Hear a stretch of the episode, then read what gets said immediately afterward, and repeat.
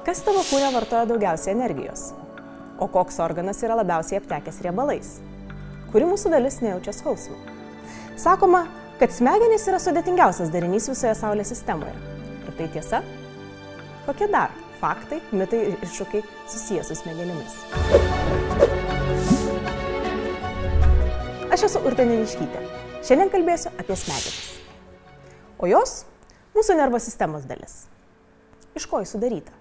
Periferinė dalis - visi tie nervai mūsų kūne. Jie renka informaciją apie kūną ir perdoda smegenims. Taip pat siunčia komandas iš smegenų į kūną, ką daryti ir kaip daryti. Dar yra centrinė nervų sistema. Tai galvos smegenys ir nugaros smegenys. Pastarosios yra tarsi kanalas informacijos rinkimui ir perdavimui. O štai galvos smegenys susideda iš trijų dalių. Seniausios - driežo. Jos valdo instinktinį mūsų elgesį. Kiek vėliau susiformavo senosios žinduolių smegenys. Tai emocinis pasaulio supratimas. Ir galų gale naujoji smegenų žievė. Tai sudėtinga informacijos apdarojimą gebanti atlikti sritis. Būtent naujausiamis smegenimis mes suvokiame save kaip individą.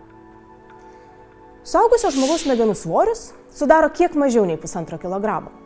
Tai vos 2 procentai visos kūno masės. Tačiau žievės paviršiaus plotas net pusantro kvadratinio metro. Ir smegenys sunaudoja net 20 procentų mūsų kūno pagaminamos energijos. Smegenys sudarytos iš įvairių ląstelių. Svarbiausios yra neuronai. Tai elektrinės ląstelės, kurios ir yra atsakingos už smegenų veiklą. Visgi jie sudaro tik 10 procentų smegenų. Kitaip nei daugelis kitų ląstelių, neuronai neatsinaujina. Juos reikia saugoti ir mylėti. Jais rūpinasi astrocitai, žvaigždės formos ląstelės. Už smegenų sveikatą atsakingos specialios imuninės ląstelės. Ir galų gale oligodendrocitai. Jie atsakingi už neuronų atšakų izoliavimą, kad apsaugotų jais tekančius signalus. Visai kaip elektros laidų izolacija. Kadangi šis izolacinis sluoksnis sudarytas iš lipidinių membranų, net 60 procentų smegenų sudėtis yra riebalai. Šį apvalkalą pažeidus grėsia išsėtinė sklerozė. Tad kas ten vyksta? Neuronai yra elektrinės ląstelės. Tačiau tarpusavyje jie bendrauja išskirdami cheminės medžiagas. Visos smegenys yra sujungtos į didelį elektrinį tinklą. Smegenys auga ir formuojasi vaikystėje, o senatvėje mažėja prasidėjus degeneraciniams procesams. Tad geriausia, kai jos yra stabilaus dydžio, nes bet kokie pakitimai paprastai susijęs su patologijomis. Smegenys plaukioja skystyje.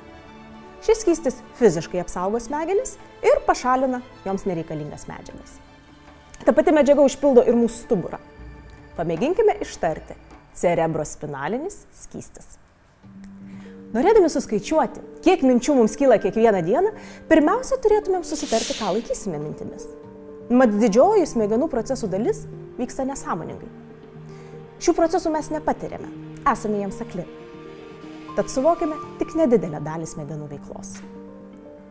Šiuolaikinis žmogus yra nuolat apimtas minčių. Esame pavargę nuo jų triukšmo ir ieškome būdų pabėgti. Tam yra joga, meditacijos praktikos, Jų tikslas yra sustabdyti minčių srautą ir tiesiog būti čia ir dabar. Ar mintis kenkia smegenims? Tikrai ne. Bet intelektinis darbas mus išvargina. Tad pradedame priimti netinkamus sprendimus, sunku racionaliai mąstyti, netaip gražiai bendraujame su aplinkiniais. Gebėjimas pailsėti nuo savo minčių žmogui yra reikalingas. Bet apskritai, protinis darbas smegenims yra labai naudingas. Kaip mankšta raumenims. Štai pavyzdys. Nustojus naudoti tam tikras smegenų sritis, jos susitraukia. Antai hipokampas. Tokia smegenų sritis atsakinga už atmintį ir orientaciją erdvėje. Prieš 20 metų Londone buvo atliktas tyrimas. Palygino taksistų ir kitų profesijų atstovų hipokampą. Vairuotojų smegenų sritis buvo reikšmingai didesnė. O dabar, atsiradus kasdien pasiekiamoms navigacijos sistemoms, tyrimas buvo pakartotas. Rezultatai rodo, kad mūsų hipokampas traukiasi. Mes prarandame gebėjimą orientuotis erdvėje. Mokame kortelę, nes daugelis nemėgstame skaičiuoti mintinai. Bet štai kas įdomu. Pirmas simptomas, rodantis ankstyvo Alzheimerio lygos atvejį, yra gebėjimo skaičiuoti pinigus praradimas. Tada žmonės ima duoti tiesiog didelės kupiūras, nes nebežino, kas yra daug, o kiek yra per mažai. Artimieji tai turėtų atkreipti dėmesį. Tačiau dabar kortelių paplitimas tai užmaskuoja. Mes savo norų atsisakome vienos iš kertinių smegenų funkcijų. Mm, telefonų numerį? Nagi, atsakykite patys savo į vieną paprastą klausimą. Kiek jų atsimenate? O kažkada mokėjome jų daug. Smegenys neturi skausmo receptorių. Jos nejaučia skausmo ir joms daromos žalos. Bet tuo pačiu skausmą mes jaučiame tik smegenimis. Nes kas yra skausmas? Tai subjektivus potyris, susidarantis dėl mūsų periferinės veiklos, kai periferiniai neuronai perdoda informaciją apie kažkokią žalą. Būna, kad skauda galva. Bet kaip čia yra, jei smegenys neturi receptorių? Jų yra smegenų dangaluose, kur ir gali būti generuojami skausmo signalai. Su realybė smegenys tiesiogiai nesąveikauja. Tai jos daro per jutimo organus, kurie surenka informaciją, kur yra pernešama ir interpretuojama šviesa, garsas, kvapas, skonis, pojūtis. Iš to sugeneruojamas kažkoks supratimas. Mes visi susitarėme, kad štai šitas daiktas yra žalias, bet tie potyriai iš tiesų gali būti visiškai skirtingi.